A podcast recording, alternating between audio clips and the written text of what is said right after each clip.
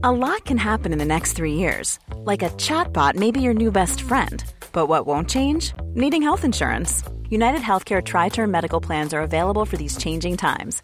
Underwritten by Golden Rule Insurance Company, they offer budget friendly, flexible coverage for people who are in between jobs or missed open enrollment. The plans last nearly three years in some states, with access to a nationwide network of doctors and hospitals. So, for whatever tomorrow brings, United Healthcare Tri Term Medical Plans may be for you. Learn more at uh1.com. Hiring for your small business? If you're not looking for professionals on LinkedIn, you're looking in the wrong place. That's like looking for your car keys in a fish tank.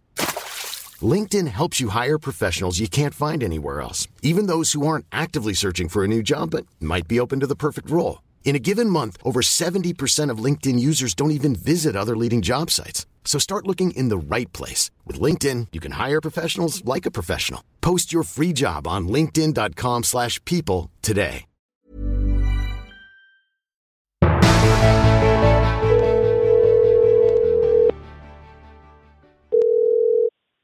Hei, er Hei, det er meg.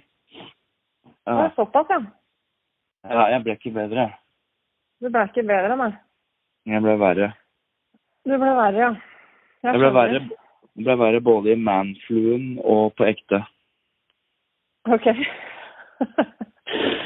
Så det vil si at du holder deg hjemme i dag. Du er ikke på vei til toget og studio? Ja, det er helt riktig. Jeg eh, Både fordi jeg eh, ikke er i form, men det blir jo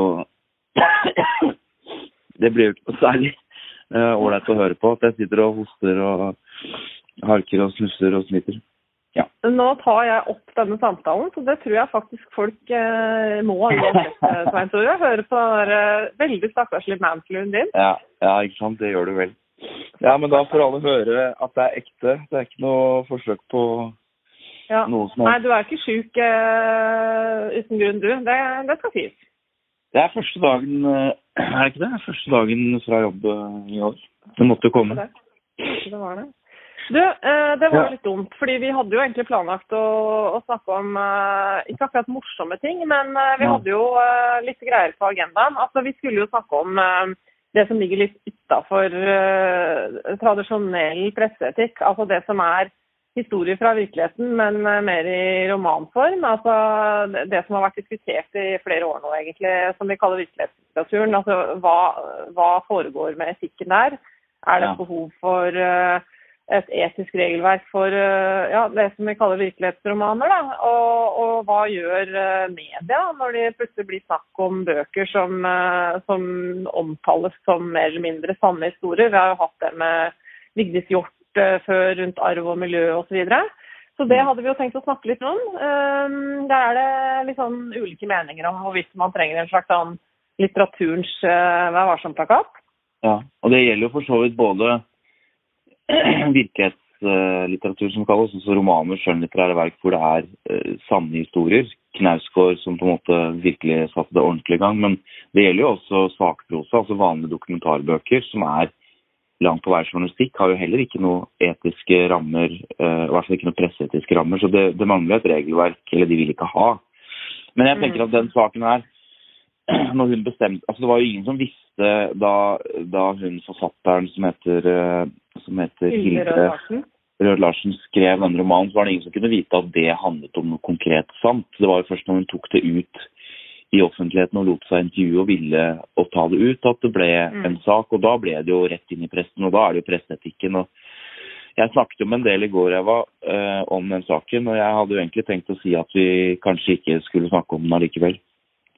Nei, for det er jo noe med at eh, det har jo vært debattert nå eh, hvorvidt det var riktig av mediene å bringe dette ut i egne spalter. eh, når, det, når det liksom er en forfatter som da plutselig gjør historien hun har omtalt i en bok, eh, til eh, en historie fra virkeligheten. og og leder an i hva som er sannheten rundt en sånn hendelse. Så, så det var jo det vi egentlig hadde forberedt oss til å snakke om. Da, for det er jo også litt utfordrende for mediene hvordan de da skal forholde seg til det. Eh, men ikke så utfordrende at ikke de skal følge varselplakaten. Og det er det noen som mener at de kanskje har slurva litt med. da. Men vi kan eventuelt komme tilbake til den saken eh, når du er i litt bedre form. Det kan vi gjøre. Men det som også var på, på, lista, var jo da For det er flere ting som er litt utenfor tradisjonell presse, med um, Tusvik og Tønne sin podkast, eh, som jo nå er en redaktørstyrt podkast i Skipsted-universet. Men så er spørsmålet hva skjer når et sånt format flytter seg ut på et live-event og ikke tas opp som en episode som skal publiseres, er det da greit at man sier nå er det referat og presseforbud, nå skal vi få lov å si akkurat hva vi vil til live-publikum. Hva gjør ja. media da? ja, Det er i hvert fall ikke det er jo ikke et redaktørstyrt produkt lenger. fordi at uh, det er jo ikke noe som skal publiseres. sånn at kan, Da kan de jo i prinsippet gjøre hva de vil hvis det holder seg innenfor norsk lov. og det er jo Diskusjonen er jo om de helt tatt har gjort det en gang. Mm, ja. Men det, Men det der referatforbudet, Eva, det der referatforbud-greiene, det er jo bare tull. Altså, De må gjerne si ja. det. Men altså, er du journalist, så kan du bare kjøpe billett, og du kan referere alt du orker. Ja, det er nettopp det. For det er jo et begrep vi kjenner fra, fra retten.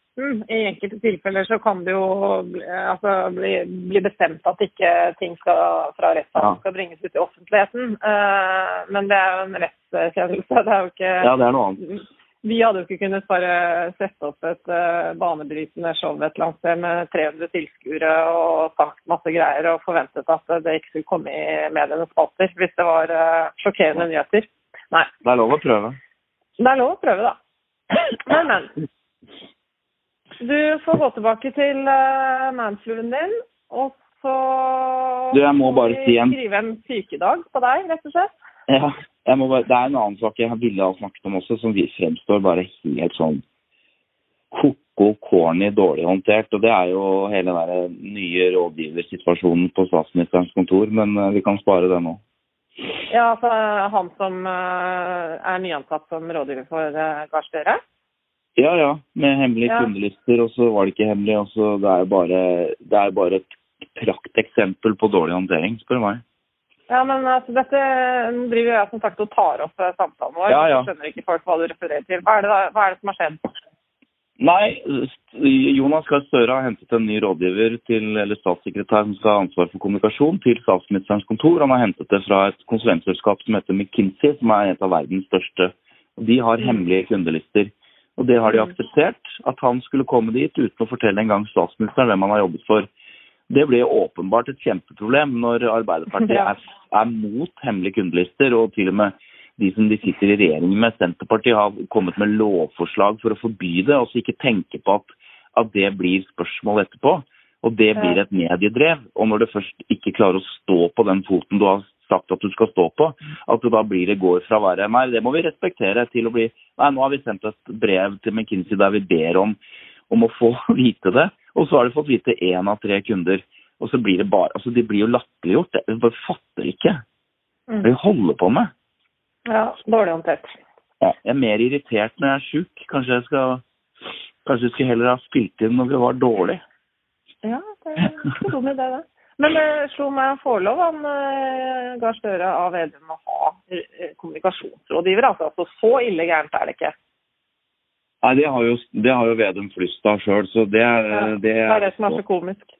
Ja. Det er Ålreit. Ja, ja. Men du, Men, ja. eh, husk at eh, når du har manflu, så må du drikke mye vann. Og så må du rote i skuffen og finne masse C-vitaminer. Ja. Og så må du sove. Og det sier jeg litt strengt, fordi jeg kjenner deg. Jeg vet ja, at du nå åpner Mac-en og svarer på mailer, og plutselig er det en hastejobb og sånn, men eh, hvis du er syk, så må du sove. Det er mottatt. ok. Vi ses eh, snart, da. Skal vi prøve å love nei, nei. på at vi kommer tilbake neste uke? Nei, vi kan ikke, vi kan ikke. Vi kan ikke drive med det. Nei. nei. Ok, men uh, du, uh, vi kan jo bare oppfordre lytterne våre til å bruke den timen som uh, de nå sparer på å ikke høre på oss, til å fråtse i skattelistejournalistikk. Ja, det er det. Altså, har, du sjekket, har, har, du sjekket den som har søkt på deg? nei, kan jeg sjekke det? Ja, ja, du kan bare logge inn på Nei, du kan bare logge inn på Skatteetaten, så ser du hvem som har søkt. Hadde, det var ja. én som hadde søkt på meg. Ja, ja for disse medie- og kommunikasjonsmediene driver og lager sånne lister over hva alle tjener og sånn. Eh, nei, altså jeg, jeg, har jo egentlig alltid syntes at eh, den type journalistikk har vært eh, veldig irriterende. Så ser jeg jo samtidig at det er jo mye eh, samfunnsviktig journalistikk som blir laget rundt lønnsnivå på ulike ting. Altså, eh, det kommer en sak om at eh, dette tjener de kvinnelige advokatpartnerne opp mot et helt tilsvarende mannlige advokatpartnere og sånn. Så det er viktig journalistikk. Og så er det jo hva tjener medielederne. Uh, og det er jo ganske interessant å se. Å ja, det er såpass, liksom. Og ikke sant? hvilke lønnsnivå er det på ulike bransjer og ulike nivåer innenfor, uh, innenfor uh, forskjellige yrker. Så, så, sånn sett så skal ikke jeg si at det er menneskejournalistikk, det er det jo ikke. Men man kan allikevel få litt følelsen av at det er litt mye fråtsing. I hvert fall når de legger ut sånn lister, da. Men ja. det er Men åpenhet Åpenhet er Åpenhet er bra. fint. Det var i og for seg helt greit at de gjorde det sporbart hvem som søker, for da blir du kvitt i hvert fall 90% av den eh, grafsingen, da, tenker jeg. Ja, absolutt. Det var et veldig bra grep. Så der er det noen som har gjort noe riktig. Ok, men da skal jeg sove. God, be god bedring, da, Svein Tore. Ok, tusen takk. Ha det bra. Ha det.